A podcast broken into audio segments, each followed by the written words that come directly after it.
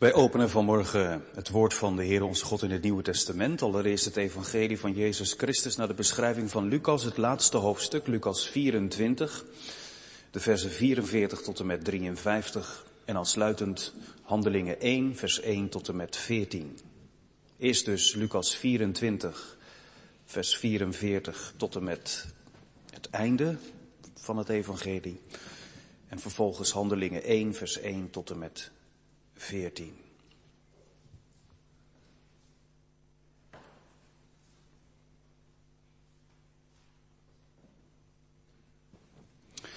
En even voor het verband, ook voor jullie jongens en meisjes, het laatste hoofdstuk van het evangelie wat Lucas heeft geschreven, heeft hij natuurlijk geschreven dat de Heer Jezus is opgestaan. En hij schrijft heel uitgebreid over die twee Emmausgangers, maar we mogen niet vergeten dat zij ook Jeruzalemgangers werden. Zij gingen weer terug naar de discipelen. En als zij bijeen zijn, verschijnt de Heer Jezus opnieuw en zegt hij, vrede zij u. En nadat hij wat gegeten heeft, klinken de woorden in vers 44. En zei tegen hen, dit zijn de woorden die ik tot u sprak toen ik nog bij u was, dat alles vervuld moest worden wat over mij geschreven staat in de wet van Mozes en in de profeten. En dat hoorden we al hè, bij Psalm 68, Lotte, en in de psalmen. Toen opende hij, de Heer Jezus, hun verstand, zodat zij de schriften begrepen. En hij zei tegen hen, zo staat er geschreven, en zo moest de Christus lijden en uit de doden opstaan op de derde dag. En in zijn naam moet onder alle volken bekering en vergeving van zonde gepredikt worden, te beginnen bij Jeruzalem. En u bent van deze dingen getuige. En zie, ik zend de belofte van mijn vader op u, maar blijft u in de stad Jeruzalem, totdat u met kracht uit de hoogte bekleed zult worden. Hij leidde hen naar buiten tot bij Betanië en hij hief zijn handen op en zegende hen. En het geschiedde terwijl hij hen zegende, dat hij zich van hen verwijderde. En hij werd opgenomen in de hemel. En zij aanbaden hem en keerden terug naar Jeruzalem met grote blijdschap. En ze waren voortdurend in de tempel, terwijl ze God loofden en dankten. Amen. Vervolgens, het andere boek dat Lucas heeft geschreven, dat gaat over de handelingen van de apostelen. Het eerste hoofdstuk, vers 1 tot en met 14. En in vers 1, jongens en meisjes, heeft Lucas dat over dat eerste boek, hè, het evangelie dat hij geschreven heeft. Het eerste boek heb ik gemaakt, o Theophilus. Voor hem schrijft hij het boek Handelingen. Over alles wat Jezus begonnen is te doen en te onderwijzen. Tot op de dag waarop hij opgenomen is. Nadat hij door de Heilige Geest aan de apostelen die hij uitgekozen had, opdrachten had gegeven. Hij heeft zichzelf, nadat hij geleden had, ook levend aan hen vertoond met veel onmiskenbare bewijzen. Je kon er niet omheen. Veertig dagen lang. Waarbij hij door hen gezien werd en over de dingen sprak die het koninkrijk van God betreffen. En toen hij met hen samen was, beval hij hun dat zij niet uit Jeruzalem weg zouden gaan, maar de belofte van de Vader zouden verwachten, die u, zei hij, van mij gehoord hebt. Want Johannes doopte wel met water, maar u zult met de Heilige Geest gedoopt worden, niet lang na deze dagen. Zij dan, die samengekomen waren, vroegen hem, Heere, zult u in deze tijd voor Israël het koninkrijk weer herstellen? En hij zei tegen hen, het komt u niet toe de tijden of gelegenheden te weten die de Vader in zijn eigen macht gesteld heeft. Maar u zult de kracht van de Heilige Geest ontvangen, die over u komen zal. En u zult mijn getuige zijn, zowel in Jeruzalem als in heel Judea en Samaria, tot aan het uiterste van de aarde. En nadat hij dit gezegd had, werd hij opgenomen terwijl ze het zagen en een wolk onttrok hem aan hun ogen. En toen zij, terwijl hij van hen wegging, hun ogen naar de hemel gericht hielden, zie twee mannen stonden bij hen in witte kleding, die ook zeiden, Galileese mannen, waarom staat u omhoog te kijken naar de hemel? Deze Jezus, die van u opgenomen is naar de hemel, zal op dezelfde wijze terugkomen als u hem naar de hemel hebt zien gaan. Toen keerden zij terug naar Jeruzalem van de berg die de Olijfberg genoemd wordt, die vlak bij Jeruzalem is en daar een sabbatsreis vandaan ligt. En toen zij in Jeruzalem waren, gingen zij naar de bovenzaal en bleven daar, namelijk Petrus en Jacobus en Johannes en Andreas, Filippus en Thomas, Bartholomeus en Matthäus, Jacobus, de zoon van Alfeus, en Simon Zelotes en Judas, de broer van Jacobus.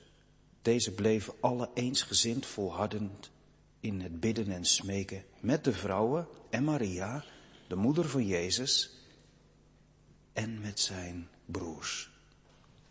Tot zover. De lezing uit het woord van God. Vanmorgen op Hemelvaartsdag willen we met elkaar stilstaan bij de betekenis van de woorden die Jezus sprak vlak voordat hij ging, ging, u zult mijn getuige zijn. En voor het verband lees ik nog de versen 6 tot en met 8 van Handelingen 1. Handelingen 1, vers 6 tot en met 8. Zij dan die samengekomen waren, vroegen hem, Heere, zult u in deze tijd voor Israël het koninkrijk weer herstellen? En hij zei tegen hen, het komt u niet toe de tijden of gelegenheden te weten die de Vader in zijn eigen macht gesteld heeft. Maar u zult de kracht van de Heilige Geest ontvangen die over u komen zal.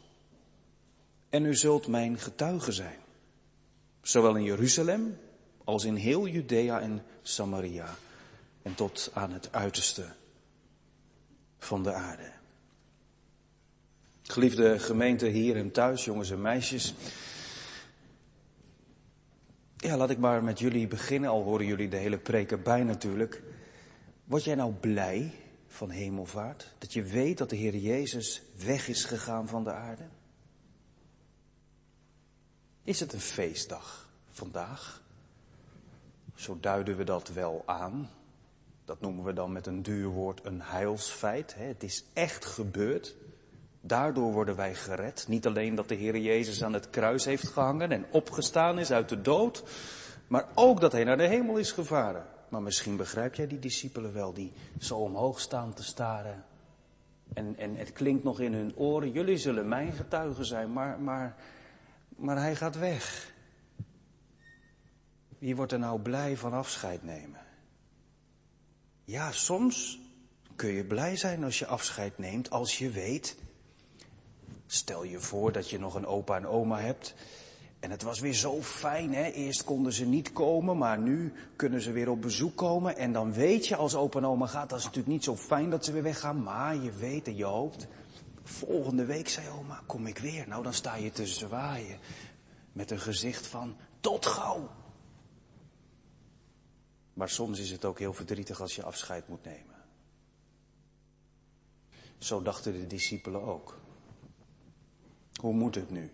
Ons grote voorbeeld, de man die zoveel wonderen kon doen, die gaat weg. Herkennen we dat, gemeente?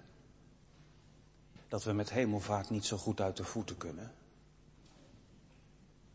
Ik dacht, laat ik eens gaan zoeken naar een hemelvaartskaart. Kerstkaarten zat, kun je een huis van bouwen. Heb u een kaart gehad? Gisteren, eergisteren, krijgt u die morgen. Gezegend hemelvaartsfeest. Dat is ook al zoiets. We hebben kerstfeest, pinksterfeest, paasfeest, hemelvaartsdag.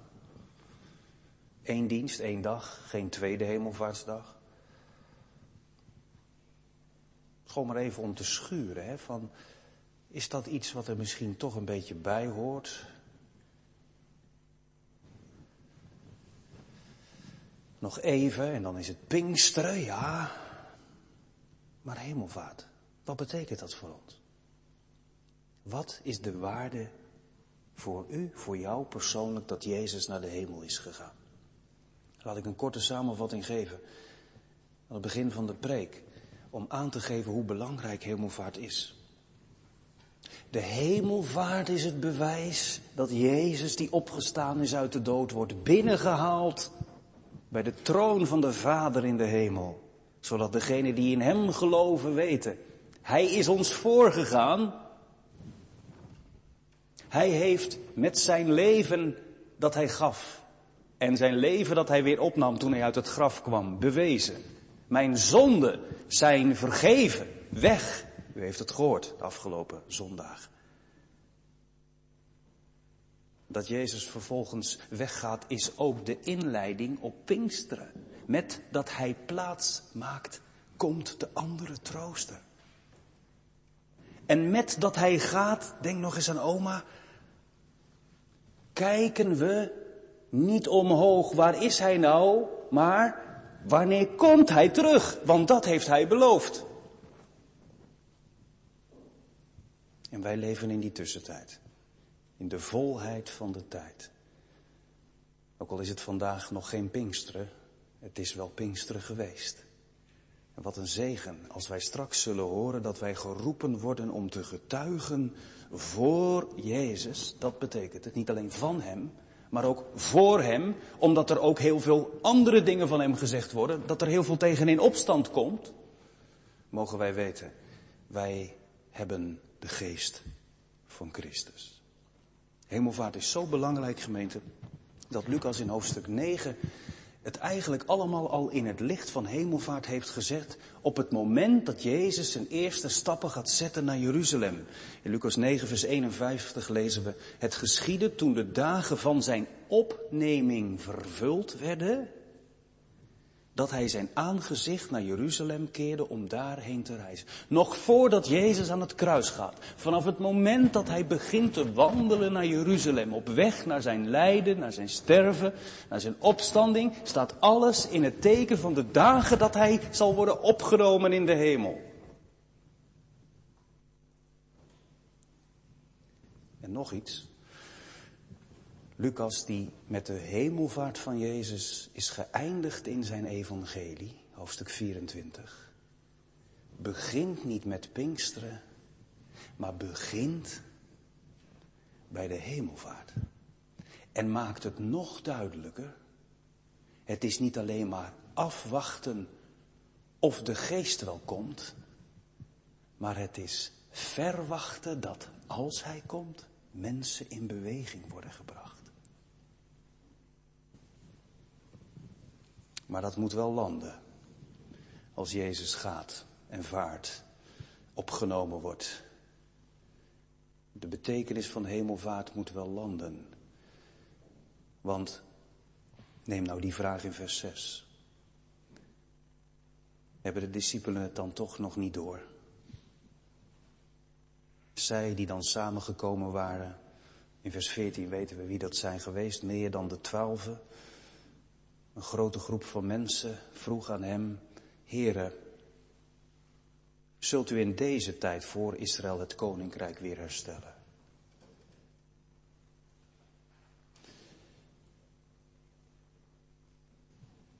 Soms hoor ik mensen zeggen, ze leren het ook nooit. Wat een aardsgezindheid van die discipelen weten ze nu nog niet na het onderwijs waarbij hun verstand was verlicht en geopend om de schriften te begrijpen dat Jezus gekomen is allereerst om te sterven voor de zondeschuld, om mensen de zonde kunnen, te kunnen vergeven. En dat het nog niet gaat om een vrederijk op aarde waarin de Romeinse overheid wordt afgestraft en het volk Israël wordt bevrijd. Het gaat toch om veel meer?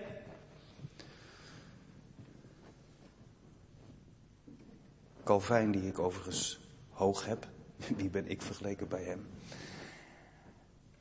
Die zegt bij deze tekst toch iets wat ik niet helemaal mee kan maken, maar wat misschien wel leiding geeft om te denken wat veel mensen denken.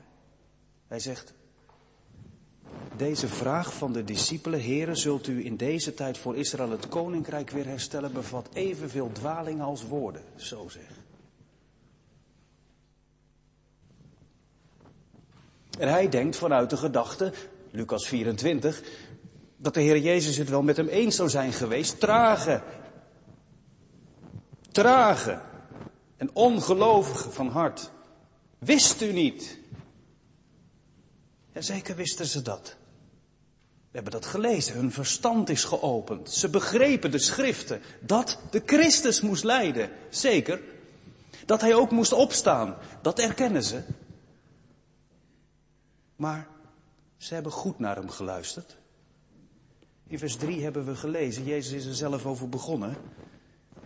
Uitgerekend in die 40 dagen tussen Pasen en Hemelvaart sprak hij met hen over de dingen die het koninkrijk, koninkrijk van God betreffen. Jezus is er zelf over begonnen. En sterker nog, als hij in vers 4 zegt, Johannes doopte wel met water, maar u zult met de Heilige Geest gedoopt worden, niet lang na deze dagen, niet lang na deze dagen, dan horen zij in het onderwijs over het Koninkrijk van God en de belofte van de Heilige Geest heel dat Oude Testament meeklinken. Daar beginnen hun ogen en hun harten ook voor geopend te worden.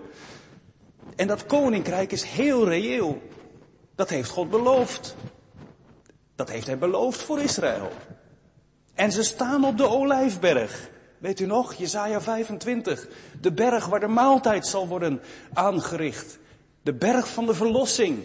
Waar God zal komen met redding. Als je Ezekiel 36 erbij legt. Joel 3. Waar de belofte van de geest al wordt voorgesteld. Waarvan wordt geprofiteerd. Vindt u het dan vreemd dat de discipelen beginnen over, is het dan nu zover? Is het dan nu zover, Heer Jezus, dat, dat u gaat regeren? Dat hersteld wordt wat zo lang verbroken is. Nooit meer ballingschap, nooit meer zonde, nooit meer tegenstand. Moet je zo over nadenken. En leg daar je eigen leven eens even langs. Ik kom zo nog op de bijzondere plaats van Israël. Mag er bij ons niet wat meer de vraag klinken? Wanneer gaat u uw koninkrijk met Israël, maar ook met de heidenvolken, met ons hier op aarde herstellen? Of bestaat ons geloof vooral uit, ik moet bekeerd worden, als ik bekeerd ben, als ik wedergeboren ben, moet ik zeggen, ja, dan getuig ik wat en, en dan ga ik straks naar de hemel. Maar dat we leren denken vanuit God. dat we zo gericht zijn op het koninkrijk van God, dat dat niet alleen maar een hemelse kathedraal is, maar dat er sprake is van een aarde die weer wordt zoals God het had bedoeld. Het is een enorm voorrecht als je weet, mijn zonden zijn vergeven. Ik ben wedergeboren tot een levende hoop. Jongens en meisjes, dat je weet, wat er ook in mijn leven gebeurt, de Heer is altijd bij mij en het komt een keer goed. Maar wat te denken van al die hele kleine mensjes die in de moederschoot als niet gewenst worden gedood. Wat te denken van al die kinderen met een zwaar handicap die heel veel lijden moeten. Wat te denken van al die oorlogen. Wat te denken van de verdeeldheid tussen christenen onderling. Dan kun je toch nooit geheel tevreden zijn. Al weet je door het geloof, het komt een keer goed. Maar wanneer dan? Dat is geen verkeerde vraag. Dat is denken vanuit God. Ik moest denken aan dat jongetje wat, wat met zijn vader aan het winkelen was in een drukke straat. En soms gebeurt dat, hè. Dan hou je de hand van papa vast, want je wil hem niet kwijtraken. Maar ja, al die etalages. Toch even kijken. En je laat even de hand los en je kijkt en dan denk je, oh prachtig.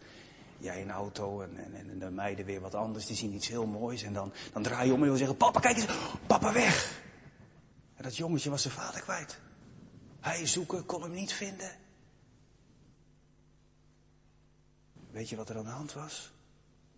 Hij was zo verdrietig dat hij dacht, hoe kom ik nou thuis? Zal papa mij ook aan het zoeken zijn? Toen zag hij een agent. Politieagent en hij liep er naartoe. En toen zei hij iets heel bijzonders. Hij zegt, meneer, hebt u soms een vader gezien zonder een klein jongetje? Hij had ook kunnen zeggen, ik ben papa kwijt. Maar hij zei, hebt u soms een vader gezien zonder een klein jongetje? Zo moeten wij over God leren denken. En over zijn koninkrijk. Niet alleen ik ben God kwijt en, en, en het zou zo fijn zijn als ik weer terug ga naar God. Maar dat God zijn kinderen weer terugkrijgt. Dat het koninkrijk wat allereerst van hem is weer helemaal zichtbaar wordt op de aarde die, die leeft onder de vloek van de zonde. En wat te denken voor de hoop die er is voor Israël. Zult u niet vergeten. Hoe kunnen wij Christus beleiden als onze zaligmaker? En voorbij gaan aan het feit dat hij de koning van Israël is. Die nadrukkelijk heeft gezegd, getuige begint in Jeruzalem. Eerst de Jood, zegt later Paulus, dan de heiden. Hoe kunt u voorbij gaan aan al die beloften die er liggen voor Israël? Dat volk wat zo aangevallen is, al die eeuwen door. Het is Gods eigen volk. Wanneer krijgt Hij degene die hem verworpen hebben weer helemaal terug? Als die massale bekering zal plaatsvinden die beloofd is. Bid u met mij en de kerk van alle plaatsen mee als gemeente van Christus. Oh, dat ze Yeshua zullen gaan aanbidden als hun Messias. En wat geeft Jezus dan voor antwoord? Niet het antwoord van Calvijn. Nee, hij gaat over zijn eigen woorden.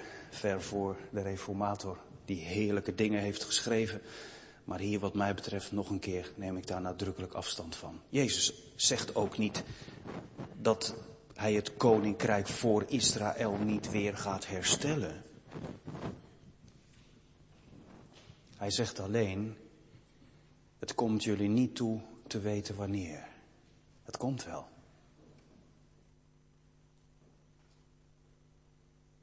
Daar bij die olijfberg waar hij eenmaal zijn voet zal gaan zetten, zal een grote schare van Joden hem opwachten. Zij zullen zich bekeren, ze zullen de stem van de Heer horen door de kracht van de geest die op hen komen zal. Zullen ze hem verwachten en gaan beleiden. Wat moet dat zijn? Als hun verharding al zoveel betekend heeft. Dat zij hun Messias hebben verworpen. Dat vele Europeanen en vele mensen over heel de wereld tot geloof zijn gekomen. Wat moet het zijn, zegt Paulus, als ze de Heer Jezus Christus aannemen? Er zal nog een, vlak voor de komst van Jezus op aarde nog zo'n grote kracht van uitgaan. Dat zijn eigen volk zijn naam gaat beleiden. Weer het licht ook voor de heidenen wordt. Maar wanneer? Jezus zegt, het komt jullie niet toe de tijdperken en de beslissende momenten, zo mag je dat ook vertalen, te weten, die de Vader in zijn eigen macht gesteld heeft. Dat is niet alleen een les voor hen, maar ook voor ons. Ook in onze verwachting voor Israël, ook in onze verwachting voor de kerk. Het ligt in Gods hand. En dat is geen fatalisme, dat is geloofsvertrouwen. Het ligt in Hem vast. Als je het NOS journaal bekijkt, als je de krant leest, als je een beetje kennis hebt van wat het volk Israël de loop der eeuwen is aangedaan. Als je een beetje kennis hebt van de kerkgeschiedenis. Als je je zorgen maakt over corona en, en ons en ons als gemeente. Hoe zal dat straks gaan? Zullen er mensen gaan afhaken? Wat staat ons allemaal nog te wachten? Gaan we steeds meer ook in ons eigen land en omgeving in een antichristelijke sfeer opereren? Heere Jezus, wordt het niet tijd dat u komt? Oh ja, enerzijds zegt Jezus, het ligt vast. God bepaalt dat. En Paulus zal op de Areopagus in hoofdstuk 17 zeggen, God heeft dat moment ook echt vastgezet. Op een ander moment in het Matthäus-evangelie lees ik dat de Heer Jezus zegt, om de uitverkorenen en het lijden dat zij in de grote verdrukking meemaken, zal God de tijd verkorten. Hoe dan ook, de Vader in de hemel, die hemel en aarde heeft geschapen, die zijn zoon heeft gezonden, die zal ook beslissen op dat moment. En nu is het niet voorbij, maar nu begint het. Nu kom ik met mijn oordeel. Op de berg van de Here zal het gebeuren. Op de Olijfberg zal Jezus verschijnen. Daar zal hij recht spreken. Ik ga er vanmorgen niet te diep op in hoe we dan dat koninkrijk moeten zien. U weet, daar wordt onder christenen verschillend over gedacht. Als het gaat over de, de definitieve eh, overwinning van Jezus, betekent dat een duizendjarig vrederijk. Waar ik vanmorgen bij stil wil staan is allereerst de roeping van ons als gemeente. Want wat staat er in vers 8? Als de vraag geklonken heeft naar zal het koninkrijk van u nu hersteld worden, zegt Jezus, laat dat aan mijn Vader over. Daar zorgt Hij voor. De tijdperken van de geschiedenis zitten in zijn hand, de beslissende momenten. 1948. Wijzen heen naar dat God echt niet vergeten is om aan zijn volk te denken. De beslissende momenten in de kerkgeschiedenis, ik zou verschillende jaartallen kunnen noemen, waarin de keerpunten, kantelpunten waren, die liggen in Gods hand tot en met de dag dat de laatste dag van de oude aarde aanbreekt.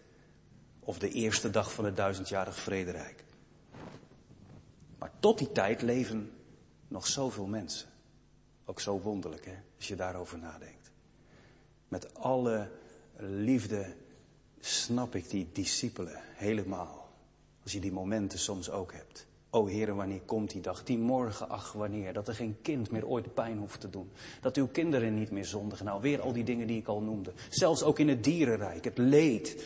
Alles waar zij onder moeten lijden. Dat het zuchten van de schepping ophoudt. Maar, maar als Jezus toen en daar zijn koninkrijk had bevestigd en wij met heel veel anderen in de kerkgeschiedenis geloven dat er vanaf dat moment geen uitbreiding meer is van de wereldbevolking op de nieuwe aarde. Dat alleen degenen die in het geloof hebben geleefd en gestorven zijn, daar zullen zijn. Dan betekent dat dus ook dat ik niet geboren had, was geweest. Daar zit iets in van wat Petrus later zegt. Hè? Als zij ook denken, och, zal God zijn belofte vergeten zijn? Wanneer komt Jezus? Die mensen leefden toen en daar met die heerlijke gedachte. Morgen zal hij komen. Als hij morgen niet komt, dan overmorgen. Maar, maar hij blijft maar weg. Vertraagt God de belofte dan, 1 Petrus 3? Nee, het is zijn geduld, niet willende dat ook maar enige verloren gaan. Dat geeft aan dat als Jezus zegt, tegen de discipelen toen, u zult de kracht van de Heilige Geest ontvangen. U zult mijn getuige zijn dat hij gedacht heeft aan mensen zoals u, jij en ik die nog geboren moesten worden. En in die tijd leven wij. Wij kunnen uren debatteren met elkaar over hoe ziet dat koninkrijk er precies uit. Is het duizend jaar? Is het letterlijk? Is het symbolisch? En ik zeg niet dat het weggegooide tijd is. Integendeel. Dat is het serieus nemen van de dingen die het woord ons aanreikt. Maar hier gaat het vanmorgen om. Wat betekent hemelvaart voor mij? Dat ik niet vergeet dat Jezus heeft gezegd toen hij ging. Als ik ga, zijn jullie mijn hoorbare en zichtbare getuigen. In die tijd waarin soms alles stuk lijkt te lopen. In die tijd waarin het een afgesneden zaak lijkt te worden met het volk van Israël, al die eeuwen door, is er elke keer weer een getuigende kerk van Christus geweest. Zijn wij dat ook? Wat heerlijk. Ik, ik, ik kan daar bijna geen woorden aan geven, maar dat kwam bij de voorbereiding van de preek. Aan het begin van de week zo op me af. En dan niet bedreigend, maar bevrijdend. Dat je erin verdrinkt. Nooit zo gelezen. Hoe vaak hoor je niet van, je moet getuigen. Wat staat er? U zult mijn getuige zijn. Hoe dan? Doordat je de kracht van de Heilige Geest ontvangt. Misschien vonden jullie jongens en meisjes het net een beetje een vreemd woord in het gebed. Zei de nou echt dynamiet? Dynamiet, dat is toch, eh, daar kun je iets mee in, eh, eh, laten ontploffen. Ja, dynamisch staat er. Zo krachtig als een staaf dynamiet een, een rotsblok aan de kant blaast. Zo krachtig is de Heilige Geest als hij mensen helpt. U zult de kracht van de Heilige Geest ontvangen die over u komen zal. En dat is gebleken. Maar de vraag is, blijkt het in ons leven? Is dat het vertrouwen wat wij hebben? Heren, u kunt mij gebruiken. Het hoeft niet, maar u wilt het. Daar kun je zo klein van worden. Als Jezus gaat en, en dat hij tegen die discipelen zegt, er komt een andere trooster die jullie helpt in mijn rechtszaak met de wereld. Als de zaak van Jezus verdacht wordt gemaakt, als het volk van God verdacht wordt gemaakt, dan sta je er niet alleen voor, Johannes 16. Als die gekomen is, de andere trooster, de parakletos, de advocaat, die zal de wereld aanklagen en jullie helpen om mijn naam te beleiden. Hij zal de wereld overtuigen van zonde. Soms denk je wel eens, waar moet ik beginnen? Net stond er een vrouw voor de kerk iets op te biechten. Er was iets gebeurd in de wijk en ze dacht misschien, ja, dat nare wat ik had gedaan is misschien wel gepasseerd bij, bij een gemeentelid hier. En, en ja, dan krijg je zo even in het voorbijgaan hè, het zo voor je. Hoe, hoe, hoe, hoe leg je dat dan uit? En, en, zonde, vergeving.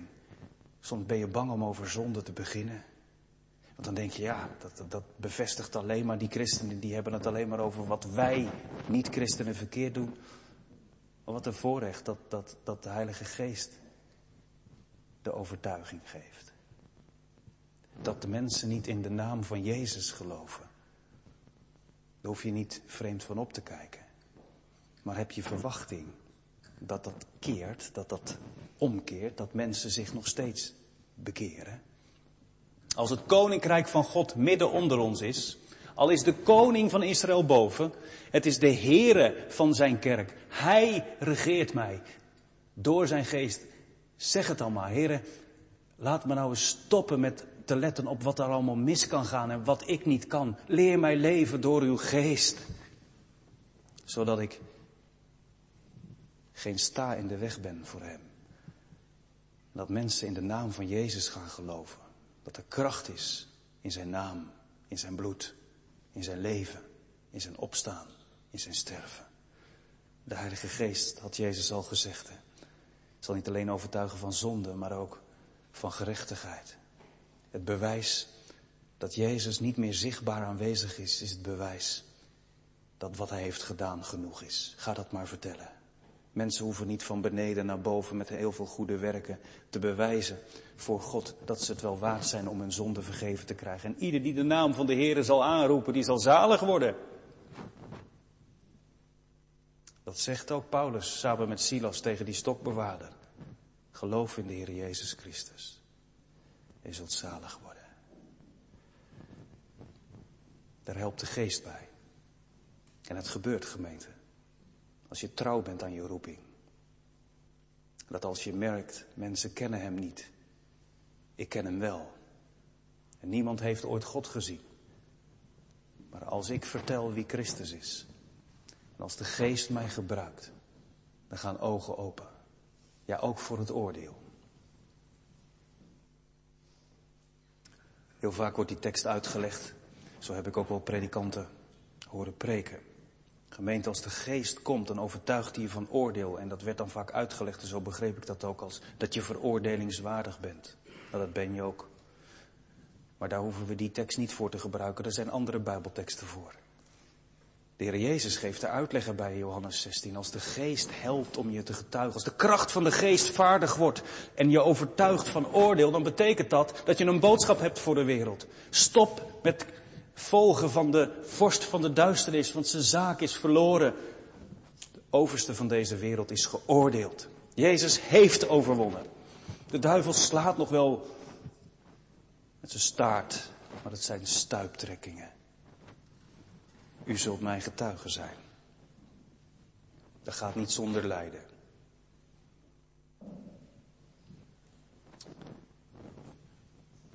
Laat ons dan uitgaan buiten de lege plaatsen, hoorden we recent. Zijn smaad dragend. We hebben hier geen blijvende stad, maar wij zoeken de toekomstige. Maar, maar laat ons offer zijn. Dat onze lippen zijn naam beleiden. Het komt goed. Het koninkrijk breekt baan. Het is nu bij vlagen zichtbaar in Gods wereldwijde kerk. Jezus is overwinnaar. De geest helpt zijn gemeente om dat te blijven proclameren. En dan blik ik terug met u en met jou hoe dat is gegaan. Het is begonnen in Jeruzalem. Het is verder gegaan vanaf hoofdstuk 8 in Handelingen. Lucas volgt dat patroon. Eerst in Jeruzalem en Judea en vanaf hoofdstuk 8 in Samaria. En zo gaat het verder tot hoofdstuk 28 Rome. Maar het is niet bij Rome blijven steken. Er leiden vele wegen vanuit Rome tot het uiterste van de aarde. Daar heeft Christus voor gezorgd. En nog komt hij niet. Nog is er plaats. Nog is zijn kudde niet vol. De komst van zijn koninkrijk breekt baan. Moet je buurman ook nog binnenkomen? Of je oude vader of moeder? Moet u nog door de smalle poort het koninkrijk binnengaan? Jezus ging ten hemel, werd weggenomen van voor hun ogen. En voordat hij komen zal zoals hij ging, zendt hij getuigen uit. Getuigen die onder het kruis van de zelfverloochening moeten lijden, maar die niet anders kunnen door het te steunen. Te steunen, ja. Het gebed voor Israël. Het gebed voor de vervolgde kerk. Door te bidden, maak mij een levend voorbeeld. Later, dan zijn we weer terug bij